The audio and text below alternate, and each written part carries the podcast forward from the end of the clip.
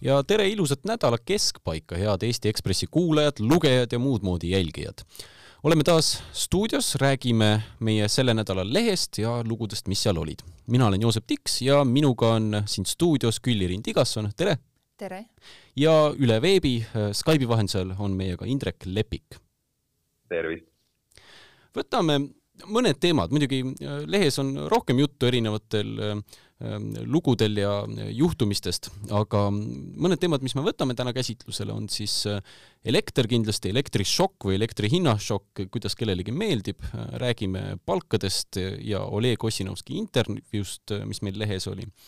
ja võtame ka Briti uue peaministri, kelle hääldust me siin äh, e enne eetrit kõik proovisime, Liz Trussi äh, käsitlusele ähm,. Lähme elektri juurde. Küllerin kirjutad lehes meil, et päris kitsaks läheb nüüd talvel ja sügisel, et mõned riigid muretsevad, kas neil üldse elektrit jagub, meie riik vaatab, kus saaks kokku hoida, kas mõni tuba külmemaks keerata, kas mõni kodukontoris olija, tema tööpind konserveerida, ettevõtted vaatavad ka, kust saab säästa. et kui hulluks olukord läheb? jaa, et no nagu siin tänases Ekspressi loos ka juttu on, et päris äh, katkestusi kartma ei pea küll, aga väga kallist äh, hinda ja seda nii elektri kui ka gaasi osas, et tõesti ka peaaegu kõik Euroopa riigid on teinud äh, väga tõsiseid plaane eelolevaks sügiseks ja talveks, et kuidas nendes oludes toime tulla. ja siin on muidugi ka väga, et see ei ole ainult ju majandusküsimus, vaid see on ka välispoliitiline küsimus suurtes Euroopa riikides kardetakse, et kui hinnad äh, tõusevad äh, taevasse, et siis on oht, et lihtsalt inimesed tulevad tänavale ja sellele ka kahjuks äh, Putin ilmselt mängib, et, et et rahakott mõjutab? jah, et rahakott mõjutab, et erinevalt Venemaast on siis Euroopa riigid on demokraatlikud riigid, poliitikud peavad arvestama rahva tahtega ja juba ka Saksamaal tegelikult mõnes linnas ja ka Itaalias on juba selliseid esimesi meeleavaldusi olnud näha, et näiteks Saksamaal Leipzigis olid juba näha nii äärmus parempoolsed kui ka äärmus vasakpoolsed olid siis tänaval loosungitega, et nad tahaksid, et Nord Stream kaks valmis ehitatakse. tore ühenduslüli muidugi. see on muidugi ka olnud äh, Venemaa strateegia kahjuks, et lõhestada Euroopa ühiskondi tuua äärmusi rohkem pilti. Ja ma arvan, et sellepärast on tõesti ülioluline, et äh, kogu Euroopa Liidus ikkagi lepitakse kokku ja leitakse mingid lahendused, et kuidas seda energiahindade tõusu äh, leevendada. Ja mulle tundub siin päris mõistlik ka see idee, mida on siis välja käinud nii Saksa liidukantsler Olav Scholz kui ka Prantsusmaa president Emmanuel Macron ja mida on siis nüüd korranud ka äh, Euroopa Komisjoni juht Ursula von der Leyen, et äh, võiks rääkida sellest, et kui praeguses olukorras äh, teatud äh, energiafirmade kasumid on ülisuured ja see on lihtsalt, see, see ei ole nende enda nagu ainult nagu heast tööst, vaid see lihtsalt on nendest nagu sõltumatult kujunenud olukord selle sõja tõttu. pakkumist on jäänud väheks ja nõudlus on nii suur. et siis võiks ehk äh, neid ülikasumeid äh, maksustada ja siis saadud äh, äh, vahenditega siis leevendada seda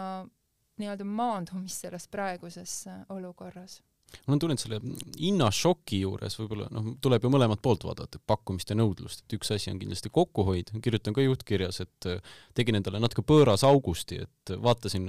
kui palju on võimalik üldse kokku hoida elektris. boilerit äh, lülitasin korra nädalas sisse ja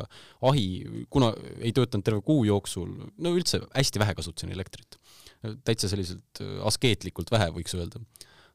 ja ikka oli arve kõrgem kui eelmine kuu, muidugi ta oli enam-vähem sama, mis juulis, et kaheksa eurot oli vahet, et selles mõttes mul oli nagu selline hasart oli sees ja see natuke nagu siuke jess, võit tuli ära, suutsingi säästa. aga ma ei tea, kas ma sügisel tahaks päris äh, mõni päev külma veega pesta või, või mis need nagu ohvrid oleks, mis ma peaks tooma, onju. et noh, mis selle turuga teha, et ma ei usu, et inimesed kõik säästavad niimoodi Ki. kindlasti on palju mugavust ja see mugavus ka kindlasti lükkab seda hinda üles, et äh, üks päev rääkisin siin ühtede kuttidega, kes teevad sellist asja, et äh, Gridio on vist nimi sellel äpil, kus tuleb vahele panna elektriauto laadimisele see ja siis see vaatab börsihinna järgi, et millal on odav laadida ja laeb siis sellel kellaajal. et kui siin oli neli tuhat eurot, oli üks hetk mis on siis kilovatt-tund või, oli see elektri hind Meg? megavatt. või megavatt? megavatt jah, oli neli tuhat eurot. E, siis sel, sellel hetkel, kui kõik need elektriautod oleks laadinud öösel, mitte päeva jooksul, oleks see nõudlus nii palju maha läinud, et see hind ei oleks nii kõrge enam olnud. et siin on kindlasti mõlemat poolt on võimalik kuidagi nihutada, et kuskilt tarbimist maha tõmmata, et selles mõttes see on praegu ideaalne hetk, iga kriis tuleb ära kasutada, on ju, et tuleb vaadata, kust on võimalik veel kokku hoida. aga samas tegelikult on ju väga oluline ka praegu neid investeeringuid suunata mitte selleks, et maksumaksjale ringi jagada, minu arust, inimestele ringi jagada, et makske nüüd oma elektriarve ära, vaid mõelda sellele, et ega aasta pärast ei ole ju olukord parem, ega kahe aasta pärast ka ei ole, et kus on uued elektrijaamad, kus on uued sellised tootmisvahendid, et seda pakkumise poolt tõsta? jaa, et see on sellest praeguses energiakriisis tõesti, et ühest küljest me ei, me ei peaks nagu rääkima ainult sellest, et kuidas siis seda elektri hinda kuidagi kompenseerida inimestele, vaid tõesti me peame tegelema ka sellega, et kuidas siis säästa ja kokku hoida, et see on niikuinii oluline, arvestades ka rohepööret. ja kui me kolleegidega koos seda tänast Eesti Ekspressi lugu tegime, siis mõni poliitik tunnistas, et nad kardavad inimesi üles kutsuda energiat kokku hoidma ja välja pakkuda neid konkreetseid meetmeid, kuna kardetakse, et lihtsalt hakatakse naerma mm. -hmm, mõnitama neid. jaa, ja see on tegelikult äh, väga kurb kuulda sellist juttu, et kogu Euroopas tegelikult ju tehakse soovitusi inimestele, kuidas nad saaksid e e energiat äh, säästa äh, ja, ja kokku hoida ja ma arvan, et inimesed tegelikult tulevad ka kaasa sellega, et meil ongi keeruline olukord praegu, et ma mäletan, eelmise aasta sügisel äh, Eesti Ekspressi tegin lugu äh, kahest perekonnast, kes jälgisid kogu aeg börsihinda mm -hmm. ja ma mäletan seda pealkirja online'is, mis kõlas siis nii, et kui elektri hind on kõrge, ma praeahju tööle ei pane. ja äh, mis see, kõlab ju loogiliselt. ja, ja aga sellel ajal see tundus nagu niivõrd erandlikuna mm -hmm. ja tänapäeval on see, et inimesed, kellel on see börsi tunnipõhine pakett, jälgivad elektri hinda, see on saanud juba ühe aastaga nagu normiks mm. -hmm. ja isegi ju raadios loetakse nagu ilmateadet kohati ette neid, neid ees, ees ootavaid elektrihindu, et ma arvan, et ka see energia säästmine äh, erinevad meetodid selleks saavad äh, normiks. aga no teisalt jälle on nagu küsimus, et äh, minul nii nagu Joosep Juhtkirjaski kirjutas, et äh, kui ma elan kortermajas, ma elan oma kolmetoalises korteris, mul on kaugküte,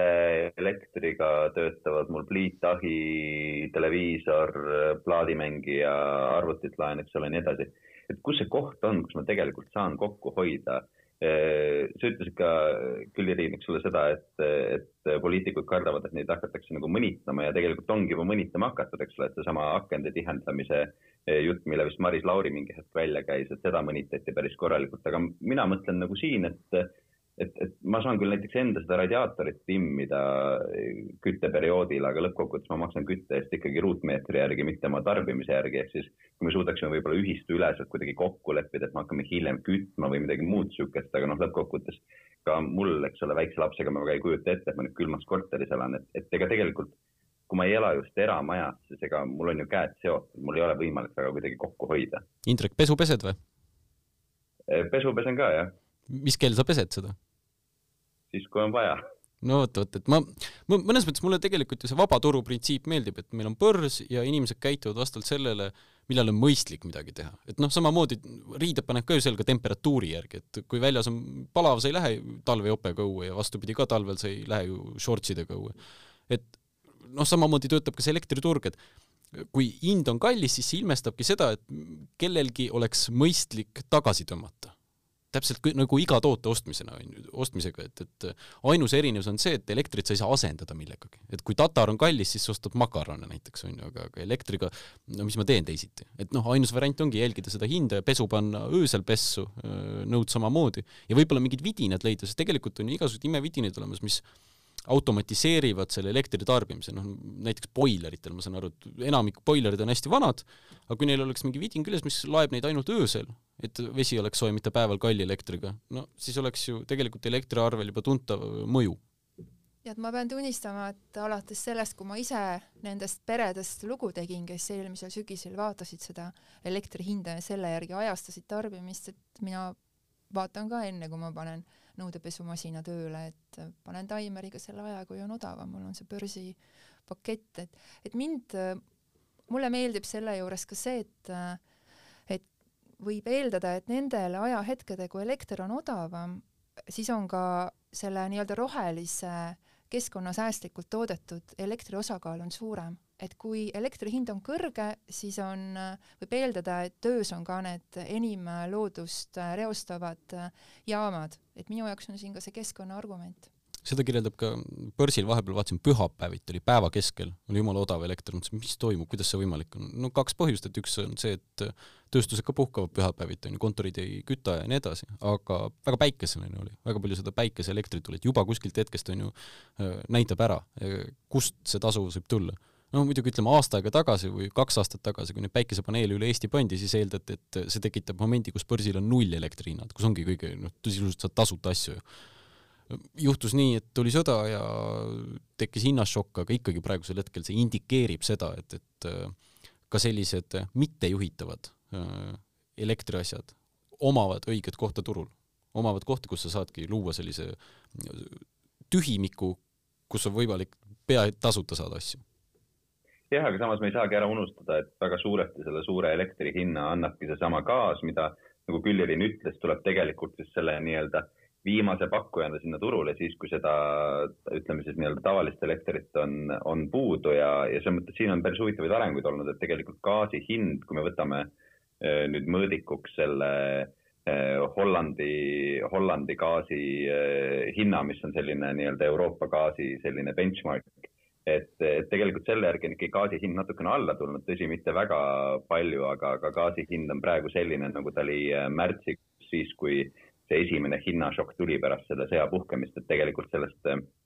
tipust tipust on ta ikkagi omajagu alla tulnud ja see on just tänu sellele, et tegelikult Euroopa on juba suutnud veidi leida endale alternatiive, me teame, et ka sakslased, keda minagi siin oma erinevates kirjatükkides olen omajagu kirunud, tegelikult äh,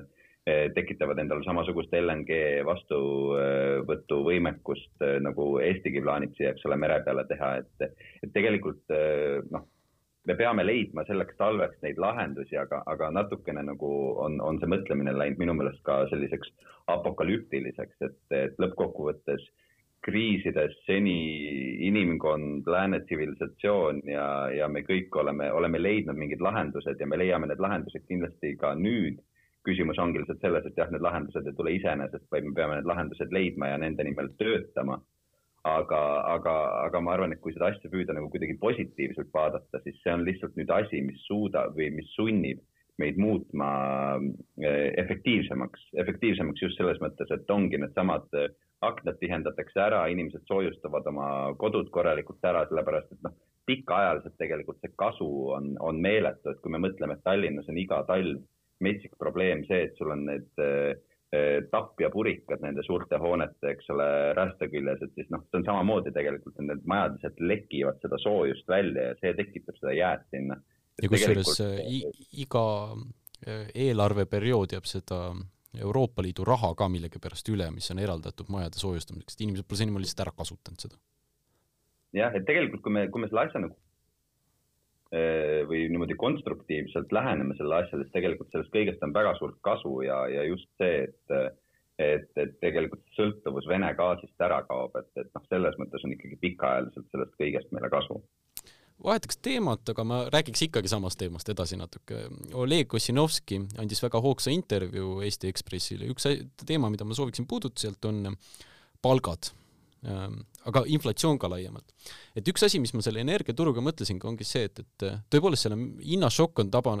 tekitanud natuke nagu sellise äh, ülespoole liikuva spiraali, et kõik hinnad tulevad kaasa, isegi siis, kui see, ütleme, baastoote hind langeb, et noh, näiteks nafta hind on ju, tegelikult see on ammu juba jälle alla saja, nii nagu ta oli enne sõda põhimõtteliselt, aga noh, tankla, tanklas ikka äh, hind ei ole langenud. mis juhtub selle inflatsiooniga, on see, et see koht, mida ta puudutab, sinna see hind ka jääb ja, ja ma mõtlen, et Ossinovski, kes äh, räägib intervjuus, et eestlased saavad tegelikult liiga palju palka kui, kui võrrelda nüüd näiteks ütleme kuskil tema mingid kolleegid seal Itaalias saavad vähem palka, mitte kolleegid, aga need töötajad, kes Itaalias sarnaseid asju teevad kui tema töötajad, et saavad vähem palka kui Eesti tegelased siin. ja see probleem on see, et see kruvib järjest üles, et noh, nõme on öelda, et saad liiga palju palka, keegi ei saa liiga palju palka, kõik arvavad, nad peaksid rohkem saama. aga mis on juhtunud, on see, et kui palk tabab mingit punkti, siis seda sa enam alla ei tõmba. Ja hinnad kasvavad ka selles rütmis ju, et kui hind kasvab, noh, ütleme näiteks äh, küttepuud on kallid, palk ei luba seda, siis peab ju palka ka tõstma. kõik tootegrupid kasvavad, palk kasvab ja nii edasi, edasi. ja siin siseturul mõeldes, see ei ole ju paha. tore on ju, kui äh, inimene saab rikkamaks ja tooted maksavad rohkem, aga, aga see tõus tuleb ju mitte millegi pealt. seal ei ole mitte mingisugust, ütleme, lisaväärtust taga või midagi sellist ja siis, kui meil on, ütleme, mingi Saksa eksportturg, Rootsi eksportturg, kuhu iganes me tahame müüa neid tooteid välismaal, siis nende jaoks on ju suhteliselt kallim. Jah, aga siin on jälle see muna ja kana küsimus, et, et väga huvitav oli seda intervjuud lugeda just sellepärast, et sealt tuli natukene sellist üheksakümnendate röövkapitalismi vaibi välja, et Ossinovski oli väga kuri, et kui tema kell kaheksa töölt ära läheb, siis kõik tuled on igal pool juba kustus, samal ajal kui vanasti ikka olid ikka tuled igal pool, eks ole, ja inimesed tegid veel tööd, et noh, jumal hoia, inimesed on läinud koju pere juurde ja see on nüüd väga halb, eks ole, me oleme kuidagi ühiskonnana mandunud et, et noh, esiteks, mis puudutab seda palkade võrdlust, et, et, et see on natukene seesama küsimus, et Eesti SKT inimese kohta on kõrgem, eks ole, kui Portugalis, varsti isegi vist kõrgem kui Hispaanias. aga ma ei tea, kui palju on vaja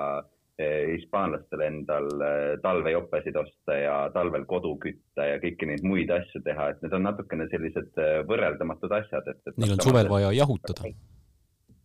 noh, kui sa oled ikka korraliku kivimaja ehitanud niimoodi, et, et sa ei ole kogu seina aknaks teinud, siis ei ole tegelikult suurt midagi jahutadagi tarvis. et noh, see, see on see nagu üks element, aga, aga, aga jah, kui jätkata sedasama juttu, mis, mis eelmise punkti all, et kuidas sellest nagu kasu lõigata, siis ega tegelikult see palgasurve on selles mõttes samamoodi, et see sunnib automatiseerima, et noh, kõige lihtsam näide on meil äh,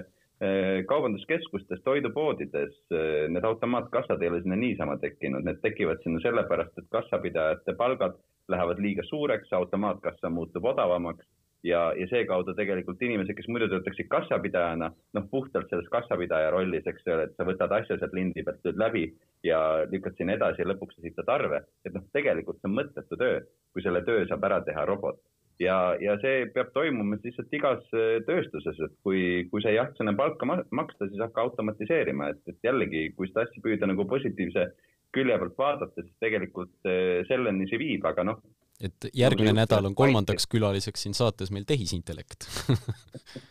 aga no nagu sa juhtkirjas õigesti ütlesid, et siis äh, lõppkokkuvõttes on, mis kannatab, on Eesti eksportvõimekus ja, ja, ja kui see nagu automatiseerimine ei tule õigel ajal või see palgasurve muutub liiga suureks, siis see on tõsi jah rootslastele ja, ja seekaudu ka näiteks sakslastele muutuvad Eesti kaubad,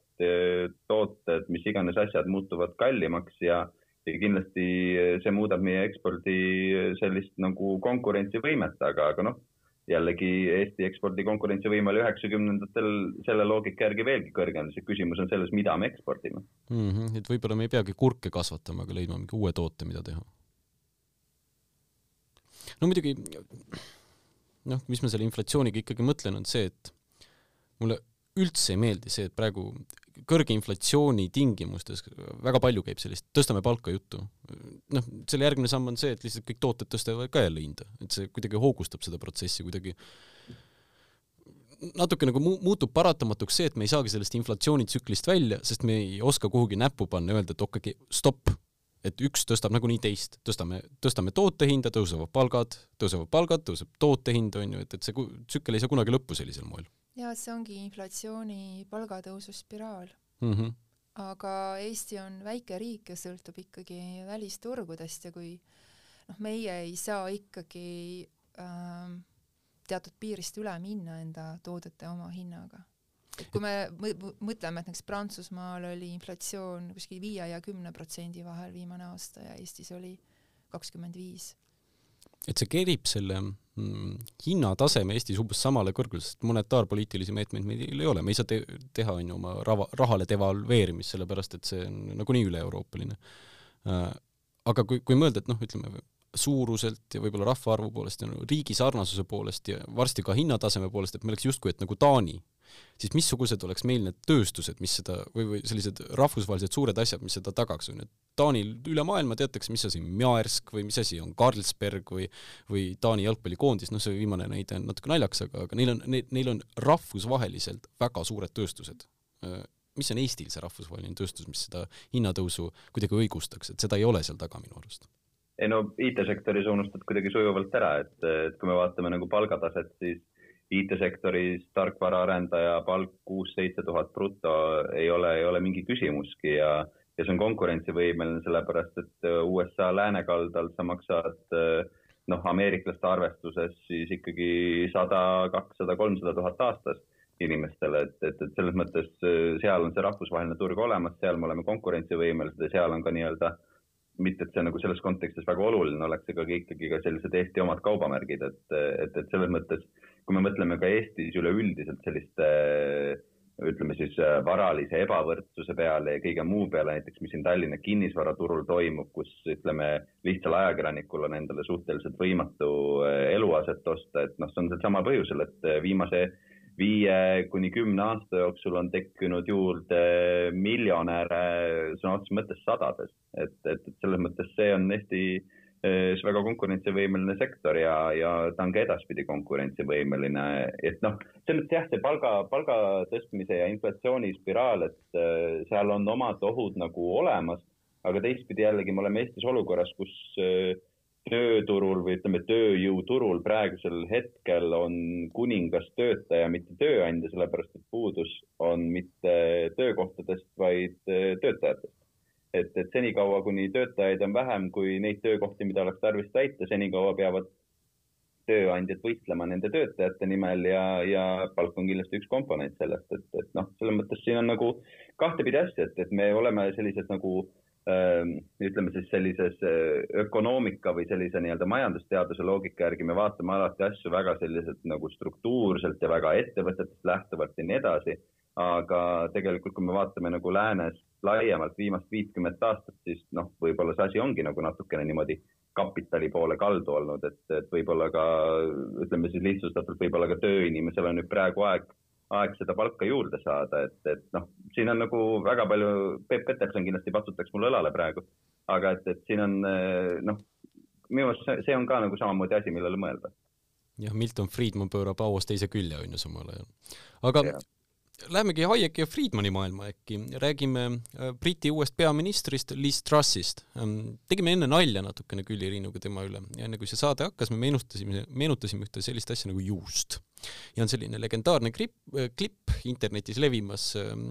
äh, uue peaministriga, kes ühes kõnes siis väga ärritub selle juustu peale, et ta ütleb, et oli see kuuskümmend või seitsekümmend protsenti, mis iganes see summa oli, see oli suurem osa Suurbritannia juustust, mis imporditakse ja see, see, selle kohta ta ütles, et, et see on disgrace, väga häbiväärne.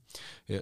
ja, ja noh, eks see on naljaks omaette kulgenud, et, et kui tõsiseltvõetav on Liz Truss, kas see üks näide on tä-, täiesti kuskilt välja puhutud või üles puhutud või tal on ikkagi rohkem sisu? ma arvan, et jätame selle juustu nüüd minevikku, et peaks ütlema, et selle Ukraina äh, sõja algusest peale on küll Liis Truss jätnud äh, väga hea, resoluutse, konkreetse, kindla mulje. et mul on väga hea meel tema karjääri üle. Siin on see suur kahvel, mida ma ka selles persooniloo lõpus äh, kirjutan, et, et tegelikult kui me vaatame viimast, ütleme sellist ma ei tea, viiteist või kahtkümmet aastat äh, selles nii-öelda anglosaksi maailmas, eks ole, Suurbritanniat ja Ameerika Ühendriike, siis tegelikult inimlikult äh, ja kindlasti on kuulajaid, kes sellele vastu vaidlevad, aga ma ütleks sellised nii-öelda peavoolu keskklassi inimese jaoks inimlikult on need äh, vasaktsentri inimesed olnud sümpaatsemad. ma ei tea, Barack Obama varasemast, eks ole, Tony Blair, kes iganes, võrreldes siis Donald Trumpi või Boris Johnsoniga või, või ka George Bush nooremaga aga, aga kui me vaatame seda puhtalt nagu sellisest geopoliitilisest aspektist, vaatame seda siit Ida-Euroopast, siis eh, nagu ma ka lõpetan, siis konservatiivid on alati olnud Ida-Euroopale paremad, sellepärast et nemad on panustanud rohkem kaitsesse, nemad on olnud Venemaa suhtes sõjakamad ja nemad on seekaudu kindlustanud meie julgeolekut. Et, et see ongi nagu see keeruline, keeruline kahvel, kus Ida-Euroopa mõnes mõttes leiab, et, et siin Twitteriski viimastel nädalatel on, on olnud nagu ka eestikeelset äh, vaidlust selle üle ja siin oli ka vist, äkki see oligi Päevalehes üks, üks arvamuslugu, kus äh, küsiti, et noh, miks neile ukrainlastele see Boris Johnson nii väga meeldib ja, ja meeldib täpselt sellepärast, et britid saadavad relvi. see, et Boris Johnson äh, seal pidu pani koroonapandeemia ajal või et seal mingid seksuaalsed ahistajad seal kabinetis on, see ei huvita neid ja täiesti õigustatult ei huvita, sellepärast et seal on geopoliitilised huvid, seal on nagu väga kitsad sellised eh, mitte väärtustest lähtuvad, vaid, vaid puhtalt nagu sellisest nii-öelda metallist lähtuvad huvid ja, ja see on see põhjus tegelikult, miks Ida-Euroopa on alati neid konservatiive eelistanud ja Liz Truss on selles mõttes seesama muster, et, eh, et ütleme, Liz Trussi iidol on Margaret Thatcher, keda Briti töölis klass jälestab ja, ja ma kasutan just sõna jälestab, sest et noh, nad tõepoolest jälestavad teda. et, Liz Trussi jaoks Margaret Thatcher äh, on, on iidol. Äh, Liz Truss räägib äh, maksulangetustest, sellest, et Briti äri ja tööstus ja kõik see peab saama uue hoo sisse ja sealt tuleb see kasv, mitte sellest, et inimestele neid samu elektriarveid kinni taas, kuigi tegelikult viimastel päevadel nüüd äh, pärast seda, kui ta siis äh, päris kindlasti peaministriks äh, sai, kui see otsus või see nii-öelda tulemus välja tuli, et siis ta on juba hakanud seal nagu leebuma, sellepärast et nüüd ta peab rääkima Briti avalikkusega, mitte üksnes konservatiivse parteiga. aga, aga just nagu siit Eestist vaadatuna on alati nagu see sihuke ähm, keeruline asi, et, et kui oleksin britt, siis ma ütleksin, et Liz Truss mulle peaministrina väga ei meeldiks aga eestlasena ma ütlen, et äh, väga hea, et Liz Truss sai peaministriks ja Eesti on saanud jälle Eh, Londonisse sinna Whitehalli endale ikkagi, endale ikkagi sõbra. no kui ma näiteks võrdleks, hüpoteetiliselt ütleme näiteks Jeremy Corbyn, väga NATO skeptiline Briti poliitik, kes oli Labourite juht, oleks praegu peaminister palju keerulisem oleks olukord, ma usun, Ukrainale, palju keerulisem võiks olla see ka Euroopale, sest see Suurbritannia, mida me praegu teame, ei pruugiks üldse olla samasugune, sellepärast et see põhisuund öö, oleks öö, vägagi korbinismi nägu, vägagi teistsugune, et ka Korbini printsiibid on ju, et äh, nendele, kes on ilma jäetud rohkem pakkuda, tunduvad ju väga nagu vastuvõetavad, aga selline rahvusvaheline mõtlemine oli tal täiesti teises puust ikkagi, et mees oli selline noh, ikkagi ehtsa, ehtsa punase hingega, ütleme niimoodi äh,. Aga muidugi praegusest Labori juhist, mis ta nimi on, Neil Stammer vist äkki, et Keir Starmer, peaaegu ah,. vabandust, äh, et temast ma kahjuks ei oska midagi öelda, et, et. Äh, no tema on pigem selline vasaktsentrist, ma rõhutaks sõna tsentrist, et Keir Starmer on selline äh, viisakas, mõistlik, asjalik, mulle isiklikult sümpaatne ja, ja ka brittidele sümpaatne, sellepärast et Laboristid juhivad Torysid arvamusküsitlustes umbes kümne protsendiga, väga jämedalt, Laboriste toetab nelikümmend, Torysid kolmkümmend protsenti. et et selles mõttes on üsna tõenäoline, et temast võib saada circa kahe aasta pärast, kui Suurbritannias peaksid üldvalimised toimuma, temast võib saada järgmine peaminister, sest et noh, Liz Truss nüüd sül, sül, sai küll nüüd konservatiivide juhiks ja, ja Briti peaministriks, aga selles mõttes, et et see konservatiivne partei on omadega väga raskes seisus, see valitsus ei ole tegelikult populaarne, olgu selle ees Boris Johnson või Liz Truss. Et, et selles mõttes me võime näha tegelikult, et Laboristid tulevad võimule ja, ja see oleks iseenesest ka loogiline. Eh, toorid on olnud võimul viima, viimased kaksteist aastat, aga, aga, aga jah, eh, selline, selle korbinismi vähemasti me elasime üle ja, ja muidugi ka Laboristide valimistulemus näitas, et, et see ei olnud ka Briti rahva huvides aga Indrek, mul oleks sulle selle eelmise teooria või hüpoteesi jätkuks üks küsimus, et sa mainisid seda konservatiivide, ütleme,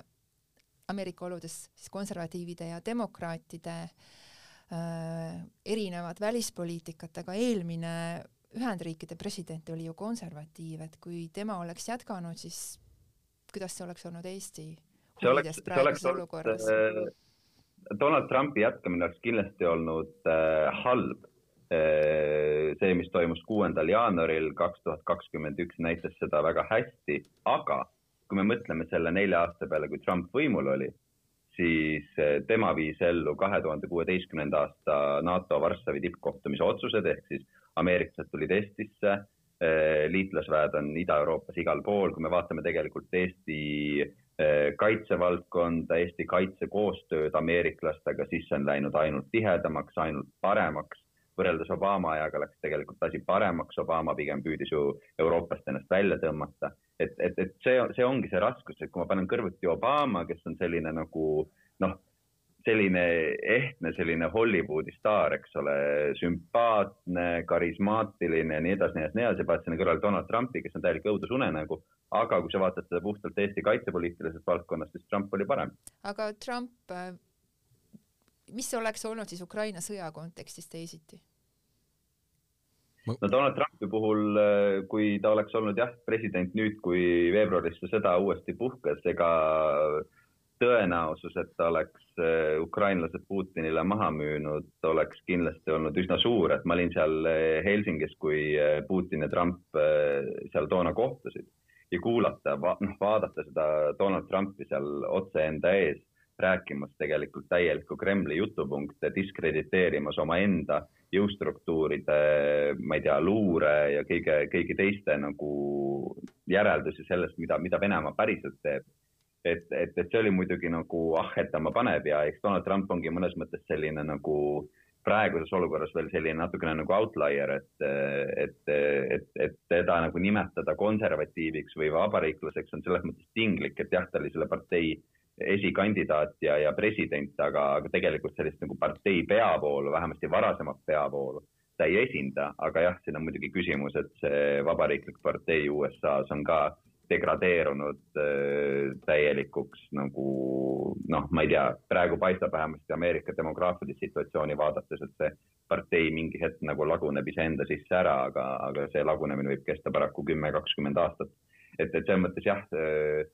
see nii-öelda konservatiivide ja, ja siis ütleme, ma ei tea, siis vasakliberaalide vastandus, et, et jah, seal on, seal on mingeid äh, auke, kus saab öelda jah, et, seesama Donald Trump näiteks, et kas ta oleks päriselt hea olnud, ei oleks. aga, aga kui ma astuks nagu sammu tagasi ja näiteks võrdleks, eks ole, äh, George Bushi ja, ja, ja ongi näiteks Barack Obamat, siis jällegi Bush oli meile parem kui Obama, kuigi Obama ju siin Tallinnaski käies, eks ole, lausus need, et Tallinn ei lange mitte kunagi või kuidas see täpne sõnastus tal oli. Et, et jah, siin persoonide najalt on kindlasti mingeid teatavaid erandeid, teatavaid nüansse, aga, aga sisuliselt me oleme ikkagi näinud, et nii Suurbritannias kui ka USA-s on, on just konservatiivsed jõud need, kes, kes rohkem panustavad sellise maailma politseinikuks olemisele, mis, mis meiesugusele väikeriigile on paratamatult vajalik. Mulle tundub, et Trumpi puhul, kuna ta nägi ennast nii suure diilimeistrina, alati läheb ja sõlmib kõik kokkulepped ära ja kõige parema tulemusena tuleb et tõenäoliselt ta ei oleks suutnud panna kiusatusele vastu teha seda, mida ta kogu aeg teeb, ehk siis äh, üritada venelastega mingisugust diili leida olukorras, kus me seda praegu kõige rohkem kritiseerime, kui keegi üritab üle ukrainlaste pea hakata nende territooriumi ja olukorda jagama seal. et selles mõttes Bideni liin äh, toetada, aga mitte sõna sekka öelda, on äh, vägagi tervitatav. jah, sest et nagu ma selle persooniloo lõpetan olgu Briti sisepoliitiliste tõmblustega, kuidas on, erinevalt sakslastest, prantslastest, London Kremli kõrilõikajaga diili ei otsi. Ja tegelikult Kiievis on see täpselt samamoodi see vaade, et Kiievi jaoks loeb see. aga ma arvan, et siinkohal selleks nädalaks lõpetame ja kuuleme teid, õigemini te kuulete meid, head Ekspressi kuulajad ja vaatajad, juba järgmisel nädalal. aitäh ja ilusat nädalat!